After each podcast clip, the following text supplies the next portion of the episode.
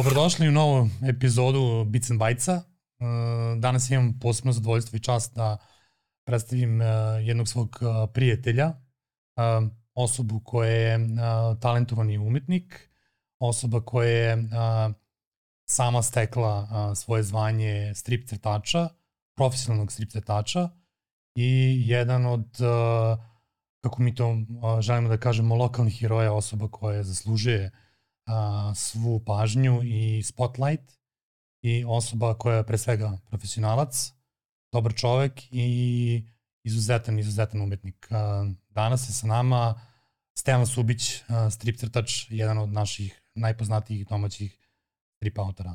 Stevane, dobrodošao u podcast. Bolje vas našao, hvala na pozivu. A, pa, k... Ćao, druže moj. da, da. Ovaj, a, Drago mi je što si izdvojio vreme za, za naš podcast. Znam da si u, u poslu i znam da ti vreme je izuzetno dragoceno, da radiš na vrlo interesantnim projektima i ovaj, stvarno cenim što si došao da, da, da gostuješ u emisiji Beats and Bites. Razlog zašto sam te pozvao jeste zbog toga što sam želeo da ljudi čuju malo onako uh, prisniju priču o tome kako si počeo da se baviš tripom, a, šta te inspirisalo, a, dok si stigao i naravno kako su ti bila iskustva a, do ovog trenutka a, kad si dosegao, to da kažem, neke, ovaj, neke krugove a, i a, neka tržišta koja a, poprilično su a, kompleksna da se, da se dostignu, pogotovo ako si sa ovih prostora. Evo, ovaj, a, um, možeš da počneš da nam, da nam kažeš ovaj, uh, kako je sve to počelo, znaš, ono kako je onako Idemo redom, od nula, da, da, da, da od, od početka. Gde je to da, bio da. pupak? Da, da, da. da, da. Pa, u suštini, priča je uvek ista, sad kogod da priča, čime god da se bavi, on je počeo od nečega ili počela sve je kada to nije bilo zapravo ništa, ni nalik poslu, profesiji, pozivu, to je samo bilo a nešto što izlazi iz tebe, pa sad ako te ne sprečava okruženje, onda to nastavlja da raste toko života, jeli, u nešto zbiljnije ja sam od malena imao nek, neku tu potrebu da vizualizujem svoje impresije ono, o životu koje god da su, dakle god da dolaze. I nisam se suzdržavao da, da radim na tome. Za sebe, malo kasnije za druge. A, I to radim čitav život zapravo. Kod mene to nije, nije prestalo da bude važno, ali je vrlo kasno u životu postalo i profesija na način da ja počnem da objavljujem, da za to dobijem novac, da, da stičem neku publiku i tako dalje. To je došlo značajno kasnije A o tome možda možemo malo kasnije da... Da, da, da. da, da. Ali početak je koji svima drugima. Prosto radio sam za sebe sa željom da provedem svoje vreme što bolje, da se dobro provedem sa tim papirom i sa sam maštom i idejama koje, koje nikad nisu bile, a, nije se skudevalo. A ispostavilo se da to možda bude i profesionalno trenutku i to poprilično cenjena, pa eto, oto da i ta priča koju si u tom sjajnom uvodu nabrao, onako, prilike u vrlo grubim crtama. Dakle, sve je vodilo jedno ka drugome, ali od početka koji je vrlo banala, dakle, vrlo jednostavan, ni, ni, ništa se nije specijalno desilo da, da lansira sve. Uh, sećam se 90. godina ovaj, kao zranjeninac ti si radio na ilustraciji svoje prve u jednom fanzinu i ovaj, da smo se mi tada u to neko vreme i upoznali i mhm. ovaj, počeli da pričamo i o samom stripu i o tvom crtežu, ti se bavio nekim skroz drugim poslom koji je ovaj, nije imao veze sa, sa umetnošću, sa stripom, ali uh, imao si tu neku i likovnu i ono poetsku notu koju si želeo da iskažeš i mm. u to vreme, 90. godina, to je bilo ovaj, poprilično uh, underground uh, uh, pozicija da, da, da se lokalni autori i umetnici na takav način izražavaju. Ovaj, uh, sarađivao si sa, sa, uh, sa našim uh, poznatim uh, uh, pisem Šetinovićem, između oslog, uh, i ovaj, da si uh, uh, eto, na neki način počinio uzrenju na tim fanzinima crtač. Kako su bile teme koje si obrađivao? Pa to u suštini nije bilo 90-ih, to je bilo malo kasnije. Malo ovaj, kasnije, ali, aha. Sam format fanzina je, je vrlo zanimljiv, zato što on ima jednu dugu tradiciju koja je ono, baštinila se tokom ono, druge polovine 20. veka, kako se tehnologija razvijala i, i razvoj društvenih mreža u tom smislu, i on je kao izraz jenjavo, prosto zamenilo ga nešto drugo. Zamenili su ga podcasti, a, pre podcasta, ono, tipa, a, ti video klipovi koji su obrađivali svakodnevnicu nečiju. Mnogo brži formati koji dopiru do mnogo većeg broja ljudi odmah.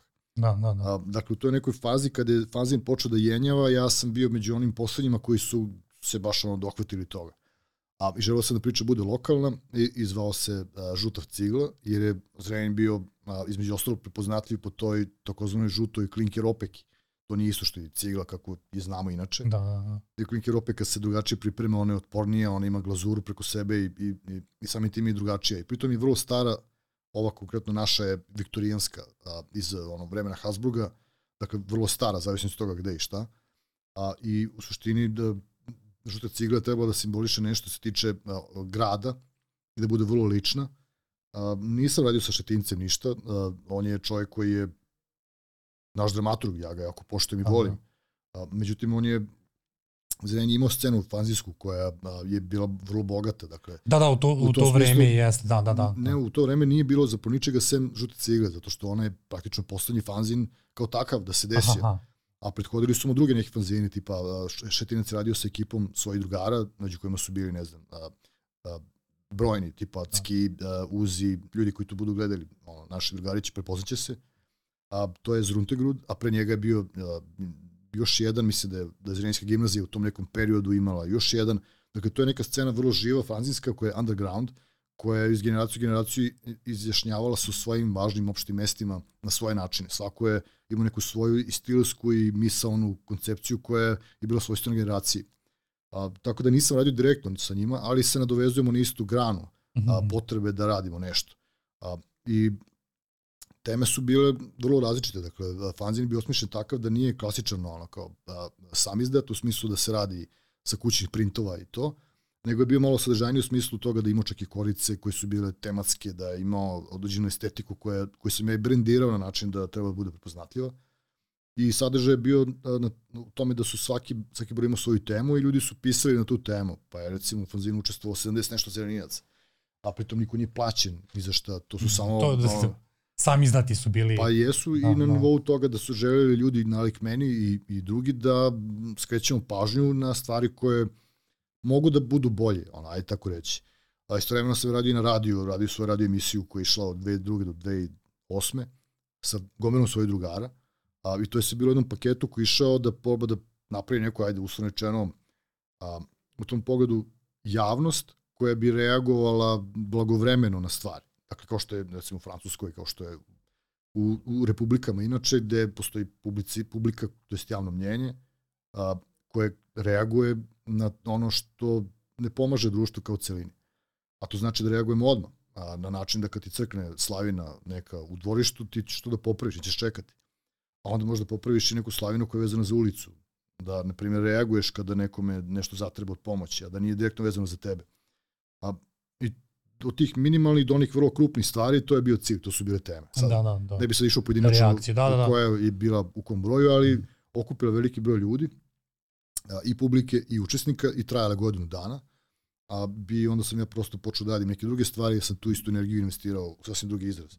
A, ali da, da, to je bio neki početak underground kroz medije kao što su fanzin i, i, i radio, koji su sada bili dalje mainstream, dakle, ali na taj neki underground način, kao što recimo B92 imao a, na Ritan Herca, nekoliko tih verzija tih emisija, sve te likove koje mi danas znamo, ne znam, a, od Brakusa pa i cele te ekipe Uroša Đurića da, da, da, da, cele te plejade likova koji su radili a, zapravo taj underground tokom 90-ih a, koji je pokretao mase zapravo. Da, da, te, u tom pozitivnom smislu. Underground bunt koji se, koji se javljao i kanalisan, da, kanalisan. A, kanalisan konstruktivan. Dakle, da, oni koji se tiče inteligencije, znanja, zdravog razuma, vedrog, dobrog duha, a, ono, plemenito što pomira nas sve napred. I eto, to su bile, to su bili te neki kao, izrazi bunta i i ovaj, ono što si ti radio kao, kao potrebu koju si imao kao, kao čovek da, da se izraziš i onda se tu ono kao na nešto na, nadovezu se strip. Da li, da li se očekivao da će kad si pa, rešio da hoću ja da uradim jednu strip tablu, dve, tri strip table, da će te dovede do, do ovog momenta u kojem se sad nalazimo? Naravno da ne, prosto to nemaš ti tu vrstu projekcije u glavi, to se desi ili se ne desi, mislim E sad stvari u tome da, da u momentu kada sam ja hteo, o, to sad učemo nas dvojice časkamo, da. kada sam hteo da kao problem sa stripom, meni je samom cilj bio da se vratim svojoj izvornoj ljubavi, ono najstarijoj, najvećoj. jer ja sam stripao crta kao klinac, ali tada samo za sebe, ni sa kim nisam o tome pričao, nikom nije znao da to radim. I Bogu hvala imam sačuvane svoje stripove iz, ne znam, čini mi se 9. 10. godine, 11. koji su celosti moji, dakle, tekst i crtež, to su neke žute, pošto takve su dalje, žute sveske, ono A4, A4 formata, da, da. koje su na liniji, ali tad nije bilo bitno što su na liniji ili na kocke, nije, nego jednostavno otvoriš to što su ti nekako kupili roditelji i sad ti sedneš i crtaš taj strip, ceo. Ja imam takvih jedno, čini mi se 4-5 sveski ispunjenih do kraja svojim stripovima. Od 9. 10. 11. godine na ovamo. Dakle, to je uvek taj narativni moment, storytelling je uvek bio tu, samo što sam ja učio i ono na način čak i taktilni, da gledanjem tih listova, pipanjem tih listova zapravo učim o, o stripu. Ne u razgovoru sa nekim takozvanim mentorom ili slično, nego sam. I onda je to tonulo vrlo duboko na način ono da ti stvara neku vrstu percepcije spram te umetnosti ni iz čega. A vrlo čisto, na način da nemaš uzore, nemaš neku baštinu koju usvajaš ili stil koji usvajaš, nego generiše se ono, a, vrlo upotrebljiv a, neteknut kvalitet koji je baš čist. A, I sad ja to nisam znao naravno da je tako. To je samo kao crtanje.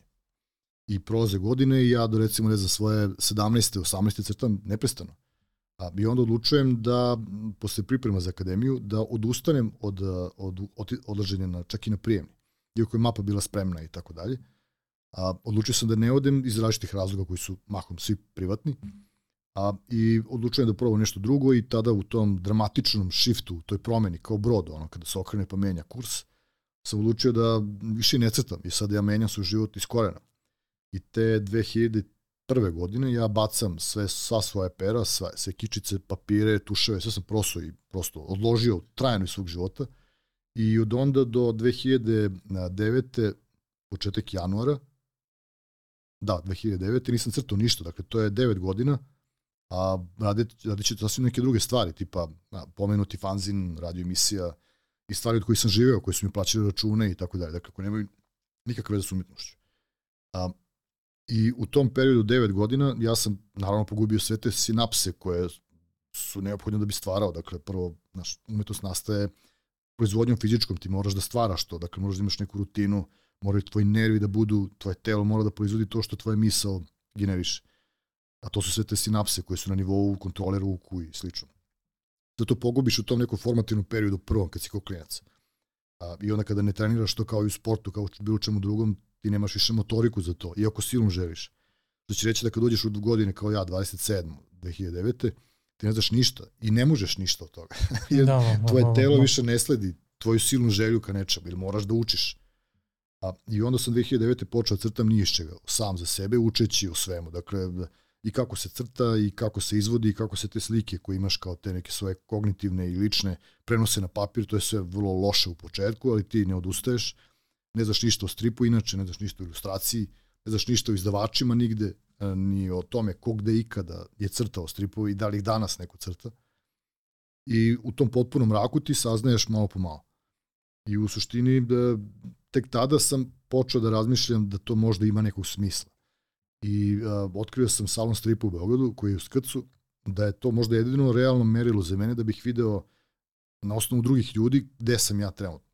E tada kada sam odneo taj strip tamo, tu si mi ti malo pomogao da se on pripremi.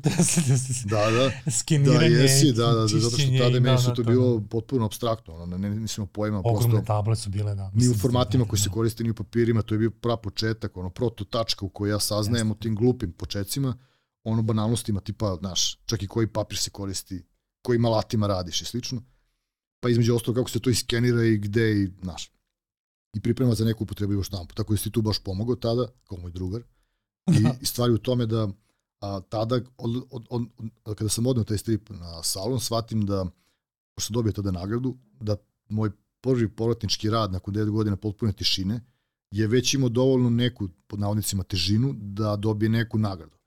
I to je meni bio gigantski stimulans da upoređujem sa ljudima koji trade dosta duže od mene, da treba da nastavim. I uvijek sam nalazio stvari koje su meni smernica a, tako što sam ih sam pronalazio, dakle sam za sebe. I uspevao sam i danas je to tako, da generišem sam svoje, kako bih rekao, te propulzivne momente da, da idem napred, motivišući sam sebe. Dakle, ne oslanjući se na druge, ne oslanjući se na savete, na stimulanse s polja.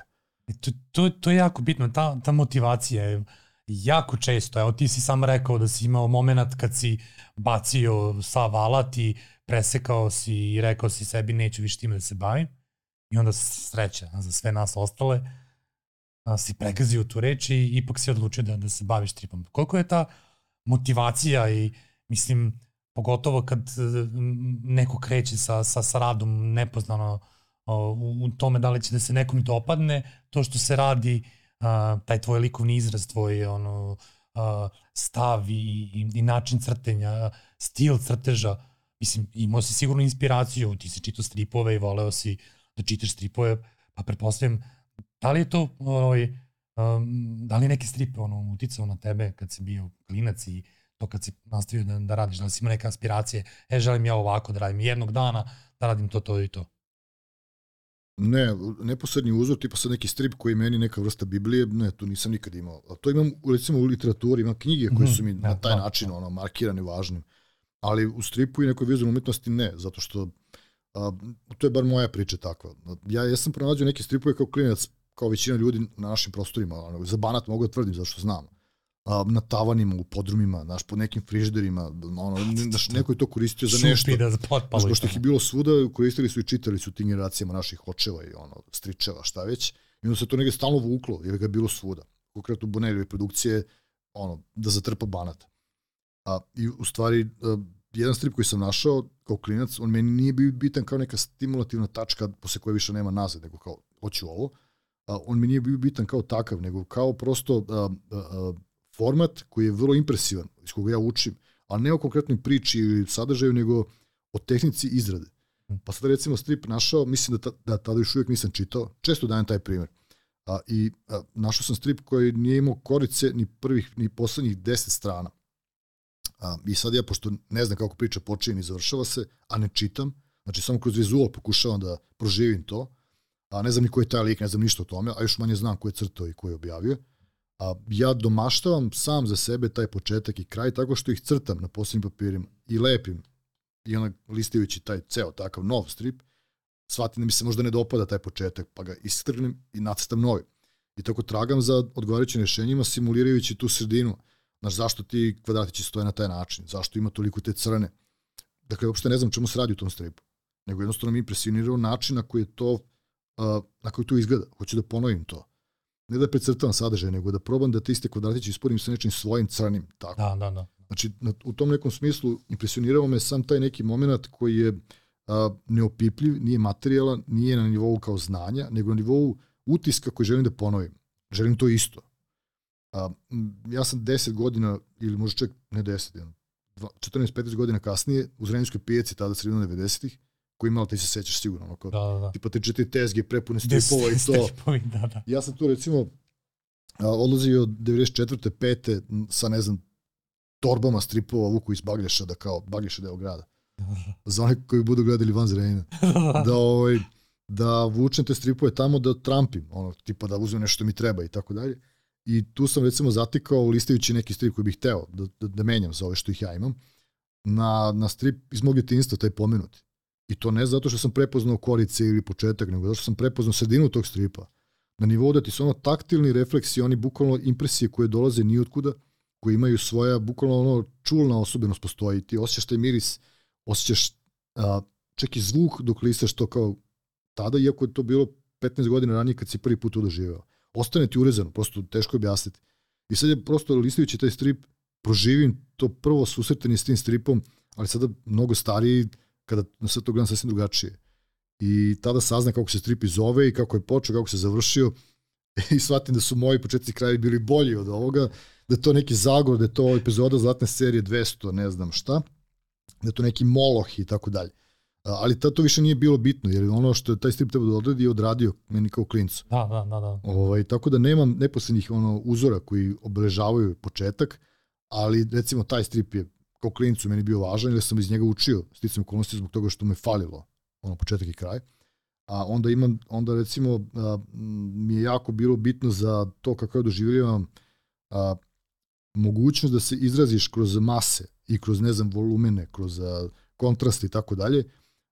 Dylan Dog, a, jer sam na primjer kao klinac i to ne neke sada autore kao što je Roy, na primjer, što mi često ljudi govore kao ti si nešto s Royem naprotiv nisam uopšte. Meni Roy iz početka nije bio impresivan na taj način.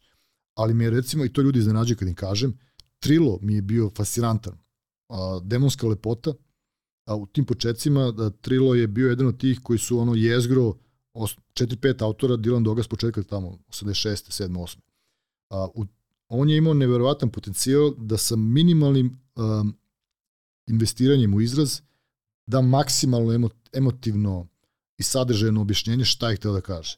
Jako, jako uh, kompresovan i vešt majstor, u smislu da sa, na vrlo malom prostoru vrlo vešto kaže jako puno. Emocija saošena a, i na mene kao klinca su ti stripovi bili toliko zastrašujući da recimo ne znam neki drugi, se neću imenovati ko, a u istom serijalu može crta ne znam kakve očnjake i kakve ono, bele oči i šta već hoćeš. Da. To nije ništa sprem toga koliko je Trilo za mene bio fascinantan kada crta tu izmaglicu iz usta te žene ili, ili kada u biblioteci otvara a, knjigu, knjigu da, pa da. sad izlazi to iz te knjige. Emo, to je meni da. kao klincu bilo nestvarno impresivno, nestvarno. Da. A, dakle, to, je nek, to su neki kao, ajde, koreni. Na način da ostavljaju traga, da ti shvatiš da je ovo vrlo impresivno i počneš da slediš. I treći je bio čovjek koji je radio naslovne strane za to isto. Znači, ta naslovna strana Demonske lepote, na primjer, je meni ostalo urezeno da danas kad je pogledam, ja nikad nisam ravnodušan prema tome. To je, a, tada nisam znao ko je to radio, danas znam, danas je to imam tu privilegiju da, da imam, da razmenjem neki odnos poštovanja sa tim maestrom. U pitanju je Claudio Villa, on je čovjek koji radi danas na tekstu i, ono, i tako dalje. A, pratimo se na mrežama i znam da, da je vrlo veliko poštovanje između. Evo on je recimo čovjek koji je radio te naslovne strane na kojima sam ja beskreno zahvalan zato što na toj tromeđi tih tri ta tri velika recimo korpusa kvaliteta se desilo neko varničenje koje mene stimulisalo da, da učim. Da, pogotovo Dylan Dog je specifična vrsta stripa i dolazi iz te italijanske škole i ovaj detektiv nemogućeg i nadran, naravno kad, kako je bilo, bilo definisano, ovaj, a, to su stvarno ozbiljnije teme, nije to deči strip. Sad, uh, ja prepoznam u nekom tvom, tvom izrazu i te, te, te neke aspekte, ono, uh, pokušavam da, da, da, da dokučim kad ti uradiš jedan crtež i kako to u kontrastu izgleda fenomenalno, da postoji balans crnog, belog i, i prostora i linije i svega ostalog. Uh, m, koja škola, eto, kažemo tržište škola stripa tebi bila najfascinantnija, pored, pored italijanske imamo tu i i Francusku sa frankofonu ovaj, gorno područje. Posle ćemo da pričamo i o ovom a, tržištu preko, preko bare. Ali ovaj, a, m, kad si počeo da, da, da, da prosto pronalaziš sebi imao neka, ne, ne, neka, neku želju da radiš za neki određeni strip, određenu temu i ajde kažem opet za, za određeno, određeno tržište i stil ovaj, samog, samog stripa. Šta ti je bilo onako um, prvo što si želeo da radiš i kako, su, kako si te uh, stripove počeo da crtaš? Prvo sam teo da se bavim stripovima, dakle da probam da posle tog perioda 3-4 godine, od 2009. do 2012. da probam da vidim da li ja mogu da nađem posao, dakle da i radim u stripu, ne samo da radim na svojim da pričama kao da, do tad, da, da, da. nego i da radim za, za izdavače koji su dakle, tiražni, koji mogu da mi daju odnos sa publikom, dakle da se objavi nekim rad na način koji ne može recimo kada radiš autorski strip u Srbiji ili u regionu ili kako god. Jer ja sam stripove uglavnom koje sam radio, radio na način da ih pišem i crtam i onda ih šaljem na festivali. Oni su sam okolnosti osvajali neke, neka priznanja i bili objavljivani i tako dalje, ali to nije ono da, da se nazove poslo, dakle, ne živiš od toga. A, pa sam teo da probam i s tim. E, I nije mi bilo mnogo bitno gde ću. Znao sam samo da a, jedino o čemu ja nešto znam u tom trenutku, to je italijanski strip. O njemu znam u smislu da a, poznajem prilike donekle toga šta oni nude, kako to izgleda. U francuskom i američkom nisam znao ništa. Prosto do mene u tom trenutku, do tog trenutka nije dolazilo ništa sticam okolnosti, ni iz Francuske, ni, ni iz Belgije, niti iz Amerike. Iz Amerike posebno. Dakle, do svoje 31. godine ja nisam znao ništa o baštini stripa, nikome od velikana koji su mi prethodili, tipa, naš, ti ljudi koji su stvarili veliku baštinu, pomogli su da ovo danas bude kako jeste, jer nisam o njima znao ni da su postojali, a kamo ni šta su radili. Tako da nisam mnogo mogo da biram za koga bi da radim niti na kom stripu, nego jednostavno ono što sam znao to je bio Bonelli. I dogodilo se da dobijem ponudu da radim sa gospodinom Gianfranco Mafredijem, e, ja je prihvatam, počnem da radim na prvoj epizodi, tada još uvijek radim posao koji nema veze s umetnošću, od koga živim i a, tek tada završiš i prvu epizodu. Ja zapravo govorim a, tim ljudima u Italiji da ja radim drugi posao i sve vreme radim drugi posao, da oni pritom... crtaš, da. Da, da, da oni za ti godinu dana koliko je meni ugovorna relacija bila da završim taj prvi strip, ja zapravo nisam radio to godinu dana, već pet meseci otprilike, jer sam resto godine bio na terenu, radio sam sasvim drugu vrstu posla. I za neko ko je potpuni ruki, ko je početnik, koji baš iz potpunog amaterizma kreće u profesionalne vode, za njih je to bilo vrlo impresivno zbog brzine i zbog nekog kvaliteta na nivou koji je za njih bio ipak, čini mi se, tako su mi rekli, iznad nekog standarda za početnika. I onda su oni prosto sabrali ono, jedan i jedan i shvatili su da ne bi teli da propuste to što mogu verovatno da kasnije koriste za druge stvari i odmah su mi dali brže bolje drugi scenarij. Da što pre nastavim da radim sledeće. I tada ja počinjem da u tom trenutku radeći već na toj prvoj epizodi, ja sam upoznao neke druge prilike, mreže je počela da se širi u smislu toga da ti daje više informacija, pa saznaš i drugim izdavačima, drugim scenama, silom prilika naučiš nešto o Francuzima što nisi znao a, o Belgiji i tako dalje. I onda ja saznajem i za francusko tržište. I radeći na dovršavajući tu prvu svetsku za Bonelli, ja već, upored kao što sam četiri godine učio o stripu inače, tokom tih godinu dana rada za Bonelli prvih, ja učim ostatku stripa. Znači, forsiram sebe da saznam što više mogu recimo Francuzima u Belgiji i tako dalje. Ali samo u Evropi. I dok sam završao drugu svetsku za Bonelli, ja već potpisujem ugovor sa francuskom izdavačkom kućom da počnem da radim na albumu sa njima. A, I tada učim o francuskom stripu o kome stvarno ne znam ništa u tom trenutku. Znači ne znam a, narativne osobenosti, ne znam standarde po kojima one proizvode stripove, ne znam ništa o tome, tipa, znaš, najčešće ti si poznavala stripa, ti znaš, ali možda neko od naših slušalaca, gledalaca, ne. A broj panela je nešto što, po čemu se meri otprilike škola u kojoj je neki Tako strip. Da, da, da. Kom tržištu pripada. Pa takođe kako su koja je kompozicija i raspored kompozicije tih kadrovi koliko jeste po strani to da. je takođe jedno od, od načina kako se pocenjuje odakle je strip došao. A, ja to tada ne znam, jer ne znam ništa o francuskom stripu, ali radim već sa njima. Dakle, došle su ponude, dobio sam scenariju, sad ja treba da učim u koraku, tako ceo život funkcioniše na taj način. Dakle, učim u koraku nekoliko stvari istovremeno.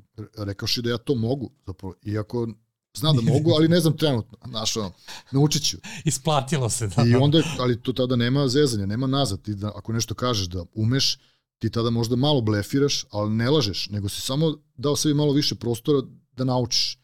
Jer znaš da sada trenutno ne znaš, ali to ne znači da treba da se oslanjaš na neznanje, već da stremiš ka znanju i da budeš smeo, da kažeš, ako sam rekao, onda idem tuda. I ja sam zalego za te francuski strip na način da učim i crtam istovremeno. Ako nisam zadovoljan stranom, brišem i radim ponovo. A, pritom radim paralelno sa, sa italijanima. I kod mene se to vrlo brzo dešava, zato što sam vrlo brzo skapirao kako funkcioniše italijanski strip i kad sam već jednom, ono, kako bih rekao, izelaborirao za sebe šta je potrebno da bi se to radilo, ja sam samo onda iskoračio u zonu koja je sada, ovo je bilo na autopilotu, a idemo sad da učimo novo. A novo je francuski strip. I sad sve to ide uporedo. I istovremeno je učeći kako izgleda francuski strip, radim na tom stripu, a ovo radim na autopilotu, da što sam savladao šta znači Boneljev kavez, šta znači njihov kompozicija, šta znači njihov onaj urednički moment, tipa što tebe očekuju, koliko brzo sporo i tako dalje. A, I tako sam vrlo brzo saznao jako puno. I sve se odmah pretakalo u strip. A, raditi za italijansku i francusku scenu su diametrom suprostavljeni pristupi. Mislim, i dalje su to crtački momenti, a, ali su suprotni zato što a, prvo u pobroju panela, po sadržaju, po očekivanjima urednika i po očekivanjima scene, su oni razlikuju potpuno i raditi za ta dva tržišta istovremeno te silom prilike prosto pocepa na način da ti moraš da budeš mnogo efektivan, da nema praznog hoda. Znači svaka, svaka tačka mora da bude promišljena shodno tome za koga radiš. A da bi ti mogao da budeš toliko precizan, ti moraš da znaš o njima. E to učenje je proces koji je vrlo zahtevan, jer nemaš ti prostora za grešku, tipa sad da te neko vuče za rukav, kaže Stevane, ili Mišo, znaš, ajde, nemoj tako, treba ovako. Da, da, da. Nemaš ti prostor za to jer će da nađu drugog. A, I onda tako jednom režimu rada koji traje u mom slučaju te 2012. do 2015. na primjer te tri godine profesionalnog rada, ja sam već jako puno naučio na, za sebe o stripu u Evropi inače. A, I onda sam samo nastavio da radi, ali tada na, nek, na nekom sasvim drugom nivou, u smislu da sam počeo da radim u storytellingu, da promišljam o nekim rakursima, da promišljam o stilskim, toj nekoj paleti i širini u izrazu, koja mislim da je više lična, više moja nego ta komercijalna koja se radi u Italiji ili za francuske izdavače. Jer osobenost tih tržišta nije samo u tome da oni imaju te panelčiće ili kompoziciju, već a, i stilske osobenosti. Na primjer, u Italiji mi imamo Milaca, imamo tonu tih majstora koji baštine vrlo lak, lagan crn potez, jaki kontrasti sa crnom koja dominira. Dakle, postoji negativni prostor naravno, ali oni imaju te majstore koji četkicom prave bravure. To je italijanski strip, osnova.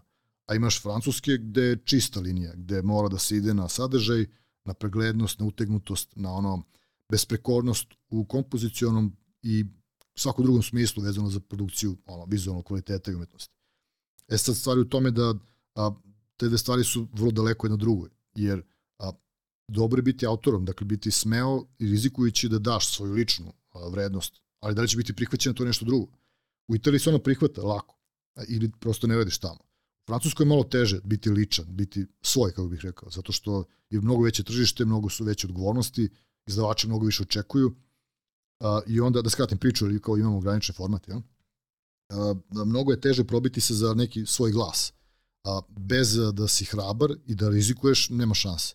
Jer će te ukalupiti negde da radiš kao neko, jer to, taj neko ima svoju publiku. A to znači da je unovčiv za to tržište. I onda ti jednostavno a, moraš biti deo toga ili da budeš vrlo hrabar i da kažeš ne, ja bih ipak ovako. Ja bih recimo da tu italijansku crnu pretoči malo i u francusku, da, da dobiju mali francuzi te crne. A, ili ti, ajde u ovom, u ovom slučaju moje crne. A, I to je meni prošlo na Morijatiju. Uh, ja sam radio na jednom albumu, prvi album moj francuskoj zove se Čovjek godine, 1666. To je godina koja je izgorao London i tamo. To je inače album za koji masa, mahom ljudi u, u regionu ne znaju uopšte. To je jedini koji nije preveden za sada. A, za sad, da. Pa mislim da neće ni biti, zato što, dobro, o tom potom. A, to je album koji sam radio, koji nije meni uopšte blizak, dakle nije mi, e, ne smatram ga svojim a, izdankom kao recimo neki posle jer je bio klasičan francuski, dakle čista linija, line art, bez masa, bez, bez crnih površina, praktično uopšte. A, I onda sam shvatio da to nisam ja, da je to fake, da ja ne mogu tako da, da živim ovo za što sam se borio prethodnih 4-5 godina, ne mogu tako da nastavim dalje, prosto ne dodvoravam se nikome, ja hoću da ja budem na svom mestu i da mi bude strava dok radim to. I onda sam odlučio da radim kako mislim da treba, to je da počnem da im da dajem crno, dakle da dajem življi izraz, lični. A, I a, ne znajući kako će to da se desi, To je bio prvi put, a, posle će, ako mi budi imali vremena, da će ti ostale primere koji su došli, isti ovakvi tokom karijere, kada na totalni rizik dođeš i kažeš ja hoću ovo ovako, nemajući pojma kako će iko da reaguje, a, jer ti veruješ da, da je to put za tebe, znači moraš biti iskren i hrabar. I dobijem odgovor koji kaže ovo je Stevane dobro u stvari. Ali vodi računa da je ovo kolorni strip. Znači treba da ostavimo prostora i za kolor. I, za kolor, da, da. A, I tad sam postao svestan da, da može da je stimulativno da se otvorio prostor i u Francuskoj za izraz koji je potpuno atipičan za Francusku, a do danas ja radim sa njima potpuno ometano, što više oni traže od mene upravo to, da traže mene kao, kao umetnika, kao osobu, sa svojim ličnim a, stilskim odrednicama, sa tim a, i slobodama i ograničenjima koje kao umetnik imaš. Dakle, a, hrabrost a, da budeš sebi lojalan. Ja, to, to je sjajno. Mislim, uh, koliko si imao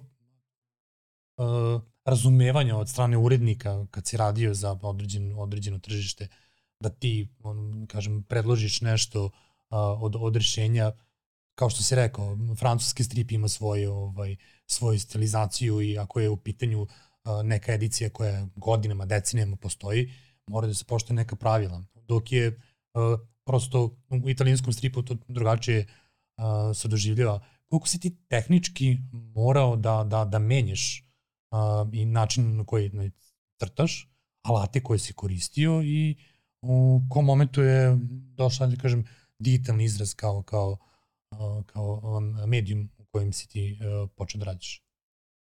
Vrlo brzo sam počeo da, da se koristim tehnologijom zato što uh, za Boga živim u 2020. godinama danas ali vrlo im je bilo blizu i, i 2015. 16. promišljajući na isti način, zato što u tom trenutku je tehnologija počela da se rasplansava na sve strane i da se zlopotrebljava, nažalost. E sad, ja računajući na, na, svoju, na svoj karakter, nisam teo da dozvolim da, da potonem u zloupotrebu tehnologije ili preupotrebljivanje toga.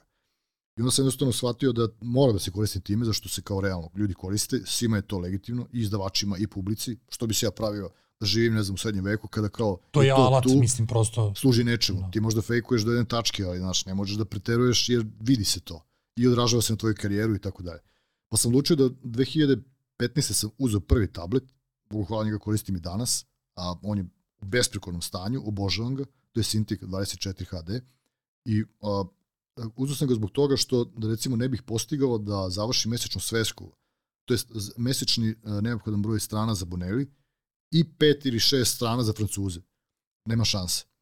A, ima šanse naravno, ali ja ne bi da, da šmiram, ne bi da se zezam s tim, zato što treba da dobiješ određenu reputaciju, da stekneš i neki kredibilitet zarad neke buduće... Da se pokažeš kao profesionalac. Zid, da bi zidao karijeru. Da. Vrlo, vrlo, vrlo bitno, pogotovo kad dolaziš uh, s ovih podneblja, prosto pa, da. trudiš se više da bi, da bi pokazao neku svoju... A ti znaš i da. sam, kad praviš karijeru, svaki dete se računa, znaš, a, i, i ti treba da gledaš odmah dugoročno na sebe kao, kao izvođača, kao umetnika ili šta god, čime god da se osoba bavi.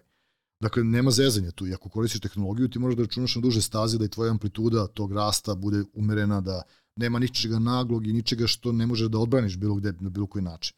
Znači, moraš da paziš jako. Taj lični marketing i management, management na prvom mestu, on nije vidljiv s polja na mrežama, on je tvoj interni, ali ga vide urednici gde god da radiš sa njima, vide publika, zašto osete respekt i tako dalje.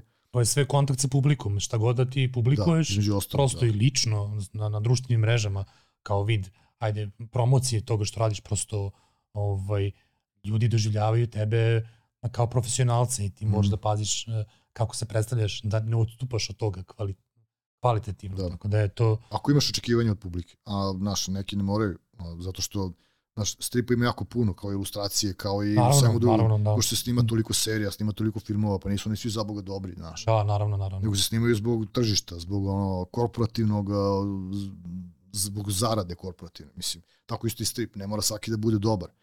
Samim tim dominantan deo tržišta globalnog stripa se svodi na određivanje posla. Da se uradi da se to proda.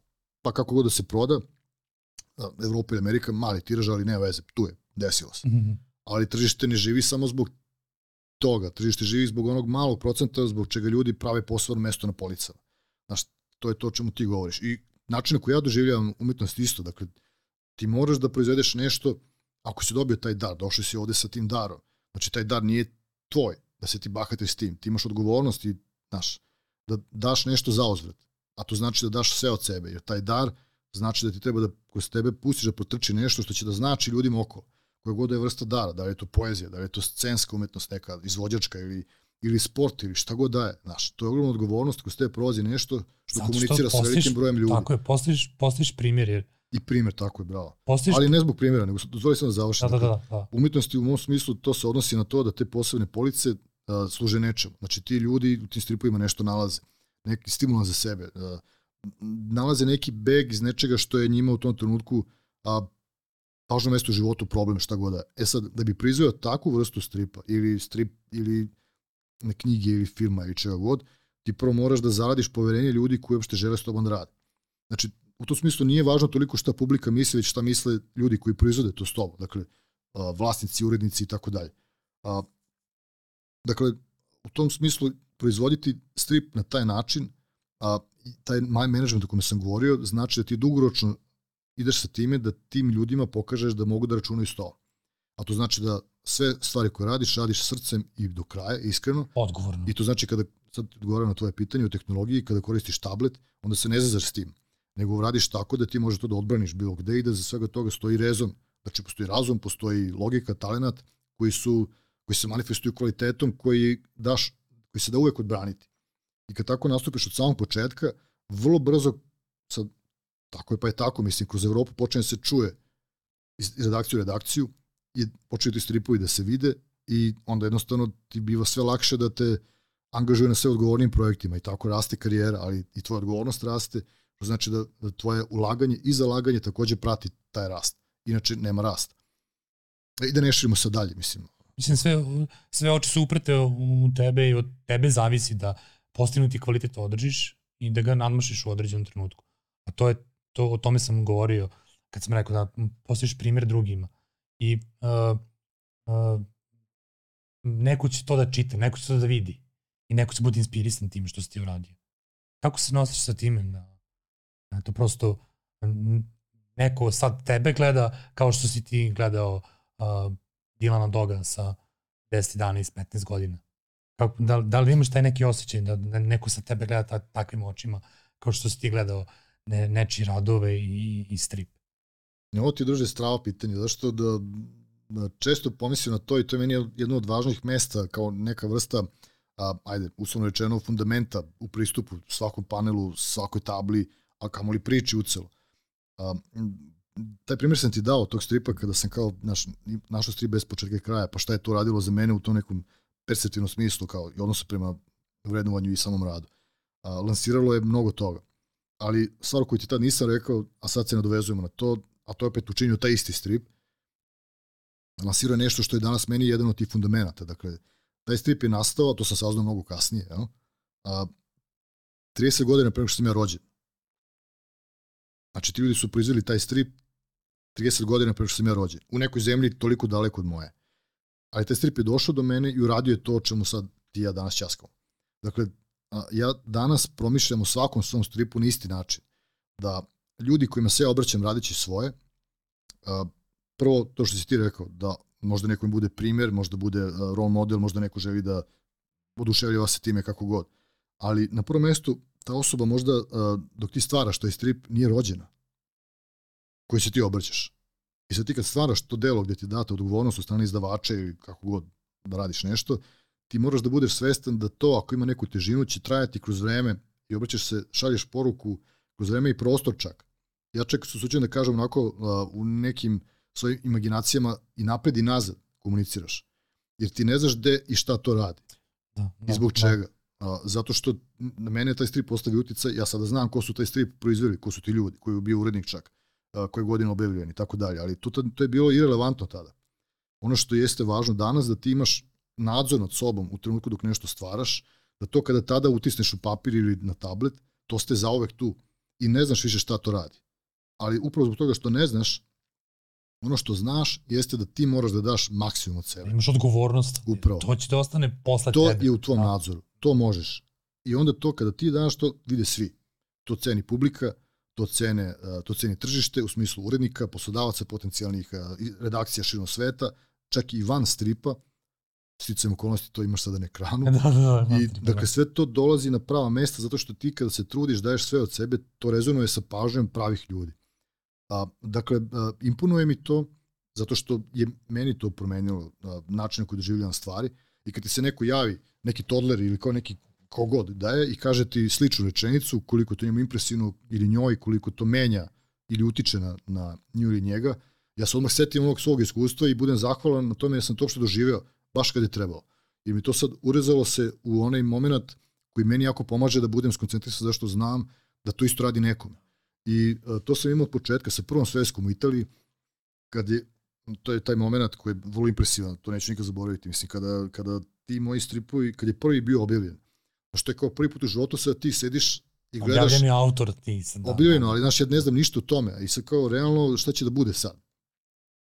I onda na mreži počinju da taguju ljudi stvari malo po malo, mislim to je 2015. Ne, nemam pojma kuda odlazi ni zašto.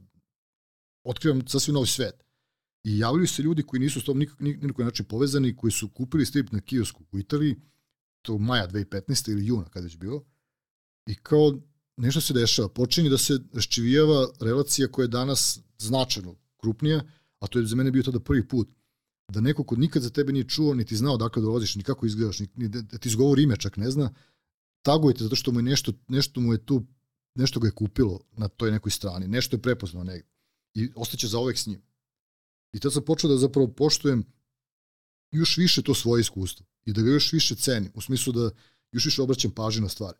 A kasnije kada sam dobio priliku da radim na, na ono vrlo krupnim arhetipovima koji stvarno će da me nadžive, u to nema nikakve sumnje, tada je ovo došlo do potpune eskalacije, ono, u smislu da, ne znam, raditi na, na, na Konanu, gde ja, ili na Tarzanu, gde ja sad znam to kad izvedem, to je to. I ono, u večnosti, posle mene, u nekom postapokaliptičnom svetu, kada to neko bude negde iskupao, a znaš, to će biti isto kod tog dana. To da, da, da, da. da. Ostaje, mislim, I tako dalje. To je tvoja manet, za ostavština neka. Ali govorimo o odgovornosti sada, znaš, to je... Da, da, mi, e, odgovornost, uh, mislim, pre svega prema, prema sebi, da, da, da to što si ti usvojio i uh, naučio da neko će drugi to da vidi, da, da pokrene nekog drugog. Upravo. Uh, ono što sam teo sad uh, uh, da te pitam uh, uh, oko tih uh, stvari koje su van, van stripa, što si rekao, ovaj, koji su, uh, su ti bili ponuđene da radiš i uh, uh, nakon toga uh, ponude da, da radiš neke, nekim legendarnim uh, karakterima uh, tokom, uh, tokom perioda kad smo svi bili zatvoreni. Uh, ili si to si odgovornost da trebaš sad ti da nastaviš uh, nečiju zaostavštinu i da nadogradiš? U suštini nisam, zato što da, to je možda samo deo moje prirode. Nisam nikad imao tu vrstu tereta očekivanja drugih ljudi. Bar što se tiče ovog u životu, nikada do sada nisam imao osjećaj da, da, da imam neku vrstu obaveze da nekom nešto dokažem. Ili da, ne znam, odbranim nešto tuđe. Nije to, nije to posledica neke moje, kako bih rekao, izolovanosti od ostatka ove industrije ili ove umetnosti, već upravo svesnost o, to, o tome da ono što ja proizvedem, jedino za to stvarno mogu da preuzmem odgovornost. I ako ja sebi pucam u nogu, po navodnicima, time što ću da mislim o nečemu što je bilo pre, onda sam sebi zapravo baš uradio medveđu uslugu, ono šta sam uradio, mislim. A, robujem nečemu što je već bilo, dakle, vrlo izasno da će ličiti na nešto što je već bilo. I evo ti jedan primjer, a, kad sam počeo da radim na, evo, na Conanu, a, to je zapravo adaptacija Howardove priče, jedna od prvih Conanovih priča. A, u pitanju je Slittering Shadow, to je kao fanovi znaju, to je ono, jedan od početaka Conana koji kada još uvek nije stasao u Howardovom svetu, lik Konana. Dakle, da, on, je, on ga je da, zidao da, tada. Da, da, dakle, on je znao kako on izgleda, šta radi taj Simerijanac tamo vamo, ali nije ga izgradio na način da, kao što je kasnim neki pričama koje su danas klasici. Ja. I ovo je deo tog vrlo malog opusa Howardovog. Ovo je 20 novela i jedan roman. Toliko je proizvedeno, to je Conan. A, I francuski izdavač ga najodlučio da pravi seriju o tim adaptacijama. I kad su mi počeli da radimo na ovoj našoj, ja sad jedino što sam znao to je da je na tom istom stripu već radilo nekoliko majstora u prethodnih 40 godina. Bušema, Dezunga, a radili su neki sveži u Americi, ne znam, mislim da neko radio adaptaciju, ali nisam siguran ko. A, jer nisam teo da vidim to uopšte. Ja nisam teo da gledam te stripove. A, ne zbog toga što bi se možda nešto okoristio o neko rešenje, nego zbog toga što sam teo da, ako se desi neko poklapanje, da ono bude potpuno spontano i na nivou scenarija i Howardovog teksta, ti nemaš mnogo mogućnosti da se igraš, zato što, mislim, zavisi od tvoje percepcije i mašte, ali a, on je napisao jedno, ti to treba da obradiš. Znači, na nivou rešenja za rakurs, na primjer, može se desi poklapanje sa bušemom, ali sve mimo toga mora da bude moje. I onda izbegavam bilo kako vrstu analogije i proučavanja i samim tim i odgovornosti tog tipa. Dakle, a, gledam da ako mogu, a, ti, ti ljudi na čim ramenima ja stojim, da napravim što veći korak od njih, ne protiv njih, nego od njih, da bi njihov legat rastao još više, da bi kad neko na moje rame bude stao, mogu da ode još dalje. Znači, to je to je ono što ja promišljam. Dakle, I to može samo kroz svoju slobodu i kroz smelost. Pa, očigledno da si, da si to uspeo da uradiš, pa, jer si pored Konana radio i na Tarzanu. I ovaj, radio si uporedo. da, da. I ovaj, a, prosto je fascinantno da, da uspeš da, da, da, da radiš na, na dve jako odgovorne stvari i da postoji uh, to što ti kažeš nadogradnje za ostavštine koje, koje, koje, koje je postojala i uh, eto i domaći uh, čitaoci imaju priliku sad da, da vide to što, ste, što si ti radio domaćim izdanjima i ovaj uh, ti si pretpostavljam tada u tom nekom periodu zapao za oko nekome Sećam se da smo pričali svoje vremena kad sam ti ja govorio, da, nacrte Batmana, ono kao nešto. Mm -hmm. Parim samo postavi, znaš nešto. Za fanove, hoću ja da imam sebi, bio sam ono toliko, toliko sebičan. I ovaj, a, da si ti u nekom tom momentu a, bio u kontaktu sa izdavačima iz Sjedinjenih američkih država, to jest DC Comicsom čuvenim, i šta se to dešavalo? U suštini ja nisam, nisam ništa znao o superherojskom stripu, ni sada nešto ne znam previše, da ti pravo kažem, dakle nisam čitao, za razliku od tebe, ja ne znam ništa o tome, mislim. Ti si pokretan ono, arhiva i biblioteka toga, dakle, jesi stvarno ali ja ne znam ništa o tome. Dakle, prosto nisam čitao, ne znam ništa o tome. Ne mislim da je da su izvođačke crtačke veličine njihove e, toliko velike kao neke evropske, na primjer, a, zbog potpuno drugačijeg pristupa i slično. Jer je i sam žar drugačiji, i stil je drugačiji, i narativni da, moment je da, drugačiji, a ono substancijom što se nalazi u tkanju tih, tog materijala je drugačije odnosu na evropsko. Potpuno se drugačijim motivima komunicira i drugačije se publici obrati, dakle sve drugačije. I samim tim mi nije bio blizak, ne znam ništa o američkom stripu, na, na nivou ono paradigme, šta je on. A, a, ponuda je došla a, u momentu kada sam ja odlučio da već radim nešto sa, sa američkim tržištem. Dakle, to ne može da se desi preko noći. Da sam završio rad na, na vrlo krupnim naslovima koji su u Evropi prošli jako dobro. I sad neću da, odlučio sam da probam nešto u Americi, pa šta im Bog da. Na način da ako prođe nešto super, ali ne bilo šta. Dakle, ja sam sebi rekao da a, radit ću ili sa nekim od dva velika, ili neću raditi ništa tamo, nego ću jednostavno raditi nešto u Evropi sledeće. Međutim, posle ovih naslova u Evropi teško bi bilo nešto nastaviti što bi mene zadovoljilo na nivou odgovornosti i, i tog nekog puta, a, pa sam napravio pauzu od, od ne znam, ja mislim da nisam nacrtao tablu stripa godinu dana tada. A, radio sam neke druge stvari, ono što, pri gamingu i, i tako dalje, ali nisam i neke ilustracije za galeristu i za ono, svoje klijente po Evropi, ali nisam radio strip, jer sam hteo da radim sa američkim izdavačima nešto, ali bez srljenja. Ako se desi, desi se ja sam autor evropske provenijencije i ja mogu da trajem do ono, svog kraja, reći samo za evropsko tržište, mislim. Čak i za srpsko, bez obzira, re, regionalno sve jedno. A, međutim, dogodilo se da, da je moj portfolio stigao na pravo mesto, u pravom trenutku, ali opet ne bez nečega što, des, što se desilo ranije. Ja sam imao jedan pitch u DC-u, malo, pa možda godinu dana pre toga, koji isticam okolnosti nije prošao, ali se ispostavilo kasnije da nije prošao na moju sreću, jer taj projekat koji bismo radili taj kolega i ja bi bio ogroman, a, međutim ovaj koji je došao umesto njega je zapravo bio značajno veći. Daleko van svih mojih a, projekcija i očekivanja i, i prosto ideje da bi moglo da se dogodi. A, I zbog toga što je i taj pitch koji su videli, taj jedan određen urednik je snimio tada moj rad, koji nisam slao ja, već je slala osoba s kojom sam ulazio u taj pitch za DC. Uglavnom, editorijal u DC je bio fasciniran mojim rešenjima. Nisu videli to skoro na način koji je, koji njima svež, skroz je drugačiji. A sve je to što im treba. I sad u tom novom pristupu oni su prosto samo taj pitch sklonili sa strane, ovom kolegi rekli, znaš šta, to je to, javit ćemo ti se uskoro, a moji su rad, te dizajn, dizajnove tog lika stavili po strani da čeka. I onda nego jednu trenutku kasnije, možda tipa godinu dana kasnije su dobili moj portfolio. I to se sve lepo poklopilo da ti isti urednici se trigiraju time vade iz arhive te moje, taj pič koji nije prošao i shvati se da se sve to savršeno poklopilo, da bi dovelo do toga da dobijem ponudu a, januara, krajem januara 22. Ovaj, koja je onako vrlo bilo uopštena da sad kao nešto DC hoće radi sa mnom, ali šta bi to moglo da bude, potpisujem NDA, tamo vamo da mora da ćutim. I, I to se na kraju ispostavilo da je priča koja je najodgovornija, najmonumentalnija u mojoj sadašnjoj karijeri na način da tu stvarno nije bilo zezanja nikakvog. Ali pretpostavljam da, da imaš pitanja, tako da... Sećam se tog momenta kad smo, kad smo pričali o tome ovaj, da nisi smeo ništa da kažeš i ovaj, da, da, da će biti nešto wow kad, kad, kad se obelodani, a da sam je bio dosadan i konstantno sam uh, ispitivao, pokušao dedukcijom da, da, da dođem do, do, do makar ideje oko toga ovaj, šta ćeš raditi. I onda se desila ovaj, uh, premijera filma uh, Batman a, sa Robertom Pattisonom i da smo mi ti dana govorili kao ne možemo da očekamo da pogledamo kako će a, sad biti ugao take na, mm. na Batmana u odnosu na, na, na komercijalnu verziju. Ti si tad bio u, u Francuskoj i ti si gledao film pre svih ostalih. Mislim da je bilo par dana ovaj, razmak između zvanične premijere i to kad si ti pogledao.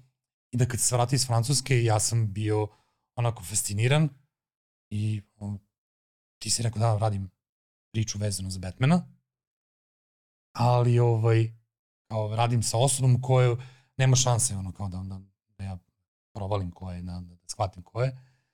I onda sam ja gledao intervjue i, i gledao sve te komercijalne stvari koje su bile u svrhu promocije samog filma i onda sam osetio da od svih ljudi koji su pričali o, o, o tom filmu, to sam ti i rekao, ko priča o tom projektu sa najviše pasije. Da bi se posle ispostavilo da, mm. da je bilo tačno.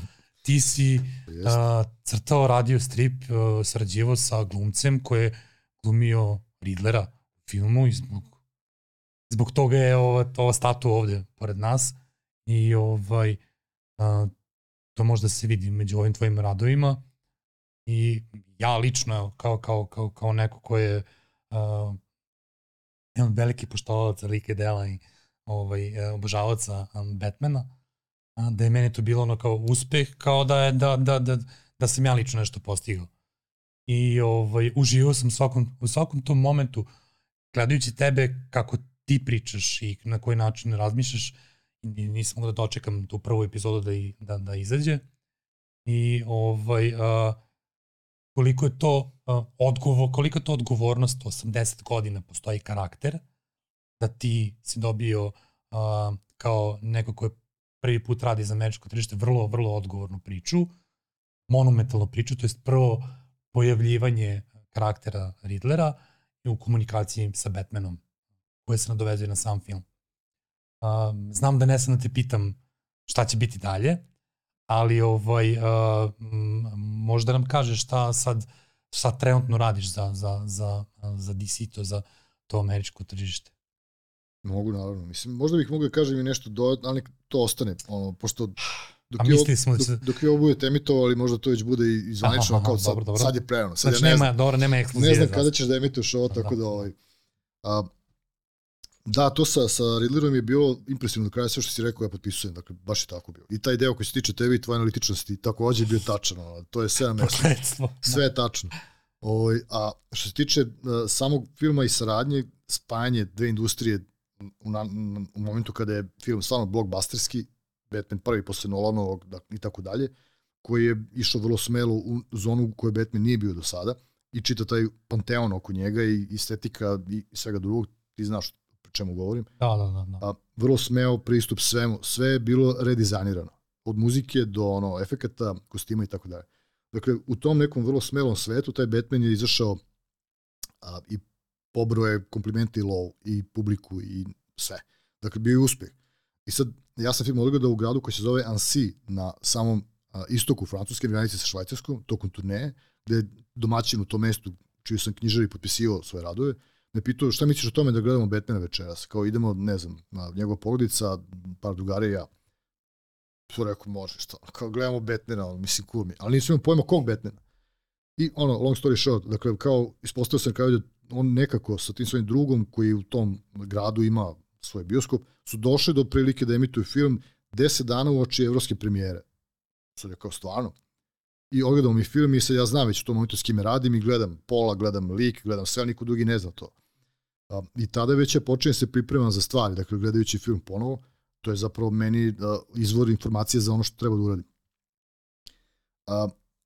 I onda kad je ono usledilo napokon da se radi, onda ti postaješ svestan ko se gleda u to, od koga se traži informacije, od koga dobijaš reference.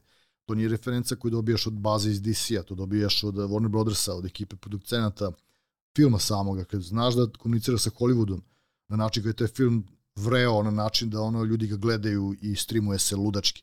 Znači ti znaš da ti ljudi tada vrlo, vrlo gledaju sve je vrlo blizu samoj premijeri filma.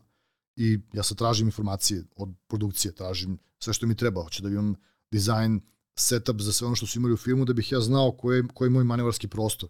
Znači da ne idem mnogo daleko od toga, želim da ispoštujem i Hollywood i DC istovremeno, a opet želim da ispoštujem i sebe. Ja nisam tamo da ono a, servisiram tuđe, nego da probam da to bude zadovoljavajuće, a da ja budem zadovoljan, time prvi. Znači da tražim manevarski prostor gde ja mogu da uradim nešto, što znači tražim reference da vidim šta su oni uradili, a šta bih ja mogao da dodam ili oduzmem. I u toj komunikaciji ti shvataš ko su ti ljudi s kojima ti imaš razmenu. Pol te povezuje s ovim, urednik te povezuje s onim i ti shvataš da to zapravo spaja dve industrije. I odgovorno samim tim raste sve više, jer ti radiš sa Polom, a, koji, kome je to prvi strip, i moguće i poslednji, ne znam, a, i samim tim on ima očekivanje, njegove kolege imaju očekivanje, on ne sme da da nešto ispod svog nivoa tada. Znači ti braniš i njegovu reputaciju, a, i svoju i tako dalje. Istovremeno DC to želi da bude što bolje može ogromna odgovornost koja ako nemaš ono pominjeno kad sam pitao pre za 15 minuta odgovornosti, ako nemaš taj uh, drive ka tome da leđa na kojima stojiš, tako da pomeriš korak dalje, da, da. ovaj projekat te jede na, ono, na, na živo, nemaš nikakvu šansu s njim. Jer te, ono, preveliki.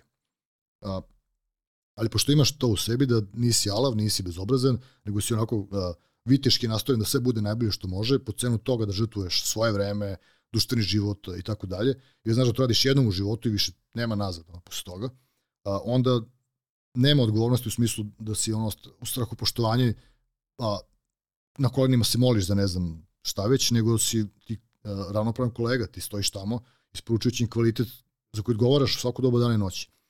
I onda dobiješ za to neku određenu vrstu nagrade, u smislu da ljudi počinju da te poštuju i znaju da tvoja reč ima težinu, da to što proizvedeš stvarno rezonuje sa pažnjom publike koja je globalna i sa pažnjom filma na prvo mesto.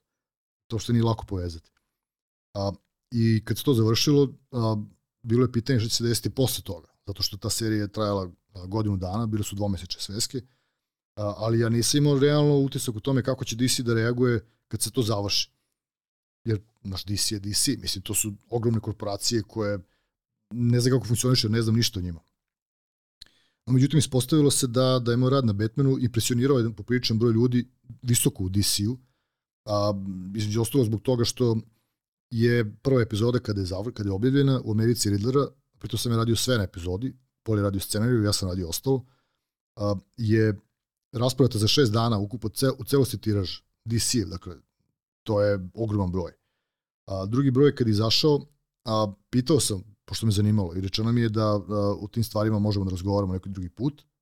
Mm, ja sam to ispoštovao, zašto kao ja sam ruki i to. A, ali ruki sa određe, ogromnim poštovanjem i odrešenim rukama, ali znaš, prosto i dalje smo mi u belim rukavicama. Jer to je sam početak, to je prvih par meseci.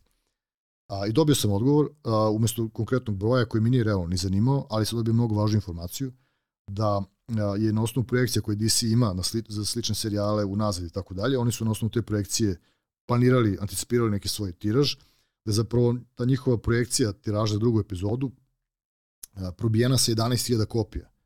A, znači, on, ono što su oni hteli je daleko nadmašeno. A, I tad više nisam pitao ništa posle toga.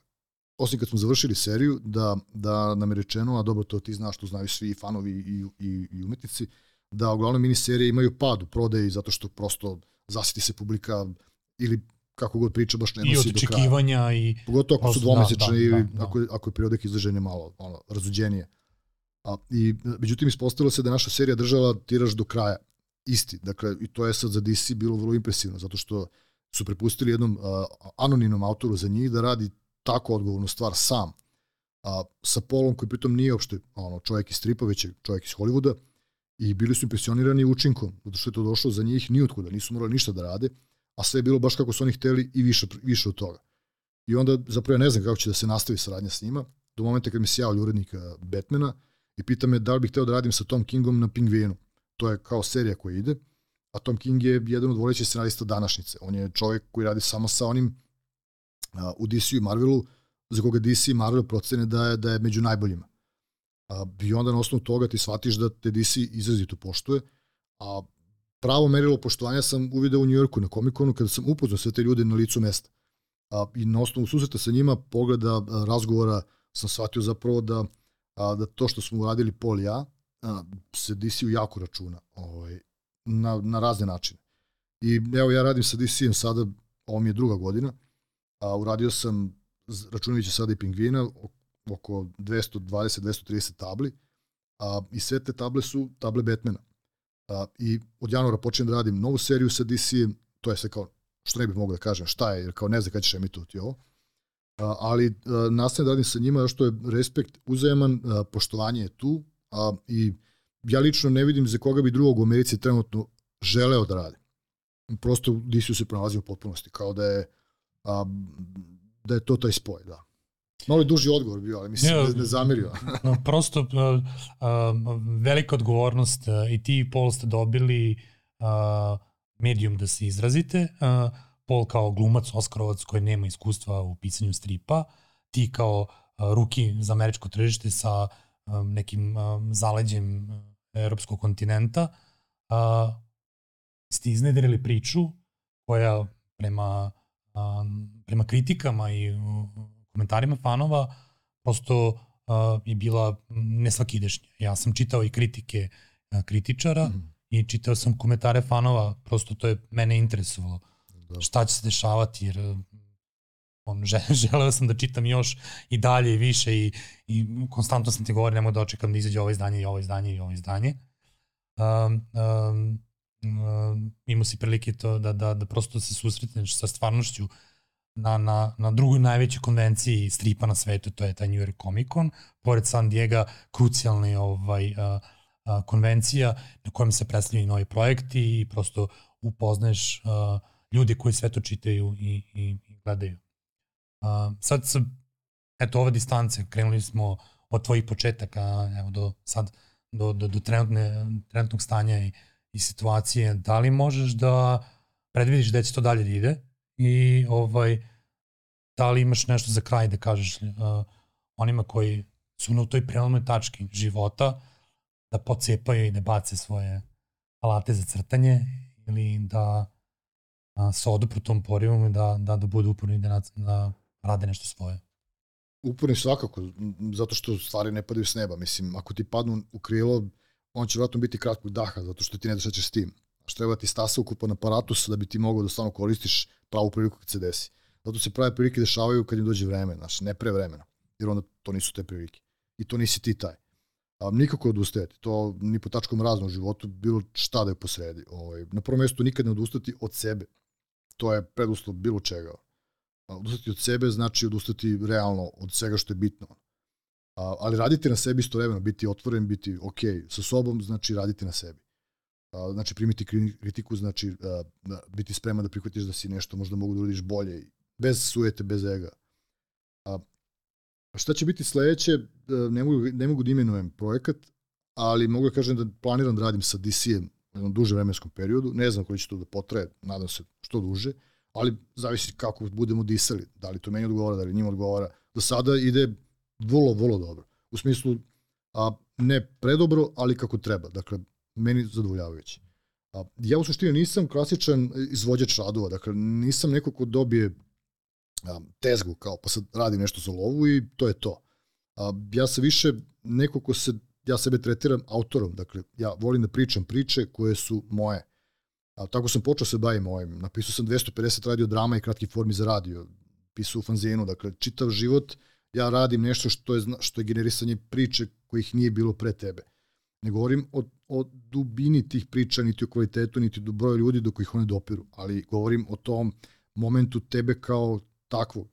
A, I sad ovaj potez vremena unazad, možda 7-8 godine, kako ja proizvodim stripove sa svojim kolegama u Francuskoj, Italiji i sad Americi, je stice okolosti da radim na tuđe scenarije. Međutim, čak i tu, kad radim sa tuđim scenarijima, ja ne dam, a, a, ne mogu samo pasivno da repliciram na opis scene, ja stvarno studiozno procenim, proradim sve to, protrčim nekoliko puta čitavu priču, kao da snimam film za sebe.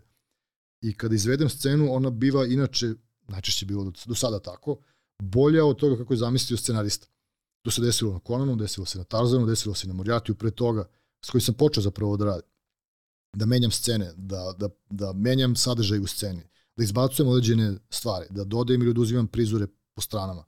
A što je ponekad ispravo možda smerilo neke arogancije sprem onoga ko piše scenariju. Tipo, kako se ti suđuješ da sad ti meni ali ako to je, ima određen smisao, ako ti stvarno imaš procenu onako smelu kako treba da izgleda ta simfonija od prve do poslednje korice, u smislu da ti kada uzmeš da čitaš taj strip, zanatski moment nije samo nacrtati neki prizor da budu uverljiv, već i ono što se ne vidi, a način na koji je komponovana tabla, zašto su ti prizori na taj način, kuda se šta prati, koji su planovi, kojim ritmom se smenjuju krupni i, i planovi u zoomovima ili amerikanima ili širokim planovima, dakle ti određuješ to sam ili sama kogod radi. I u tom igranju ti zapravo komponuješ simfoniju. I ako promeniš jednu notu, ona menja svoj ton u potpunosti. Paneli su note i sad ti kad odlučiš da prikažeš urednicima ili publici tu tvoju simfoniju koja je od te korice do prve do poslednje, ti odgovaraš za svako rešenje. I onda počne da ti veruju kad vide da je to štrihovanje i menjanje u prizorima rezonsko, da stvarno čini priču boljom, da si na tim mestima gde on možda malo zapeo, da si ti to ispolirao, zategao, stavi mašnicu i sa to diše samo i piči mnogo brže. I bude ti zahvalan urednik i kaže, u, ovo je dobro, verujem ti. I on te više ne pita ništa, nego samo čeka novo. I kad ti nastaviš da isporučuješ to uvijek tako, a, sa dodatnim kvalitetom u slojima, ono, po vertikali, oni ti prosto tada daju sve odgovornije poslove, jer vide da proizvodiš nešto što a, ne nalaze tako lako. A, I to se desilo na tim naslovima i sada na ovom. Te, da ti odgovorim ono, koncizno na kraju, a, ja sebe vidim kao osobu koja proizvodi svoje priče, dakle, piše crta i objavljuje. Da, pošto živimo u uslovima prebogatog tržišta svetskog, gde ima jako puno da, i izdavača i svega i svačega, a, ne žurim s tim, ali evo sada, a, pošto sam ja do sada objavio pet ili šest kratkih priča na početku svoje karijere, pa sam stao zbog ovog komercijalnog posla, Sada trenutno završavam priču za Metal Irland, koja je moj scenarij, moj, moj crtež, 15 tabli. Mislim da će biti objavljeno u Americi u januaru ili februaru i odmah zatim i u Evropi. Eto, ekskluziva. pa to jeste, da, da. A, za druga, naravno. I ti 15 strana su moj neki povratak onome što sam radio do 2012. Dakle, pisao i crtao svoje. A, I taj strip kada bude objavljen, on samo lansira neku priču dalje. Dakle, ja nastavljam da radim stvari koje smatram da sam ja. A to je taj autorski moment u celosti. Ne zato što smatram da radim nešto bolje od drugih, već zbog toga što smatram da si jedino tada dobar kada radiš nešto u što stvarno veruješ. Makar to bi i fail, ono, ali na greškama se uči. Tako da odgovor na tvoje pitanje jeste da želim da nastavim u budućnosti, vratno radići za DC i radići na svojim stvarima. To je od, od, od momenta kad si sumnjao u sebe do ovog trenutka kad tvoja sigurnost uh, čini tvoj rad boljim, kvalitetnijim i uh, interesantnijim kako za, za urednike, ali i za publiku. Um, želim da ti se zahvalim uh, na izgledu. Daj sam malo, izvini. Ovaj, Aha, izvini, izvini. Da, pošto je tvoja koja emisija po redu, nije bitno, ne znaš šta. Neka emisija po redu, početi tek podcast. Jeste. Ovo ja sam ti nešto donao, druže moj, želim da ti poklonim nešto. Ja, dobro, hvala. Ovo je znađenje iz mene. Želim da ti, da ti poklonim nešto, da ti ostane i da te ohrabri da ovaj podcast traje što duže može. Evo, ja ću se potruditi sada, ako bude svaki gost toliko dobar i kvalitetan kao ti, mislim da neće biti greške, tako da ovaj, u svakom slučaju... Ovaj, I da ti, da ti služi za stimulans i za, kao za uspomenu. Donosi ti jednu svojih pripremnih crteža Batmana tokom rada na, na Riddleru. Wow, hvala. Ju. Ovo stvarno uh, bilo neočekivano. Ovaj. Evo, hvala ti. Dalje ti Mislim, potpišem. Ovaj, uh, Ma šta neću da kažem nisi morao, a, ti si moj drug, jako znam da si da. fan Batmana i znam da ovaj, uh, ti si prava osoba za to i želim da imaš to. Hvala ti. Hvala ti od sveg srca. Ovaj, hvala ti što si došao, što si uh, bio iskren i nadam se da ova tvoja priča će biti postica i postrek budućim autorima, strip crtačima, ilustratorima da uh, imaju veru u sebe i da uh, svaki put uh, kada padnemo šta, uh, podignemo se i nastavimo još jači. Stevo, uh, hvala ti na gostovanju i želim ti da što pre se ostvariš kao kompletan strip autor, pored uh, crteža, tuša i boje, uh, budiš i pisac. A verujem da će to biti sjajna stvar i uh, da ćemo se vidjeti nekom drugom prilikom i pričati u nekim novim stvarima. Hvala ti još jednom. Izvolite, želim hvala ti na pozivu. To je bilo sve za ovu epizodu uh, podcasta. Uh, želim samo na kraju da vam kažem da lajkujete, šerujete i subscribeujete se na naš podcast, a mi ćemo učiniti sve da svaka epizoda bude što bolje. Hvala vam.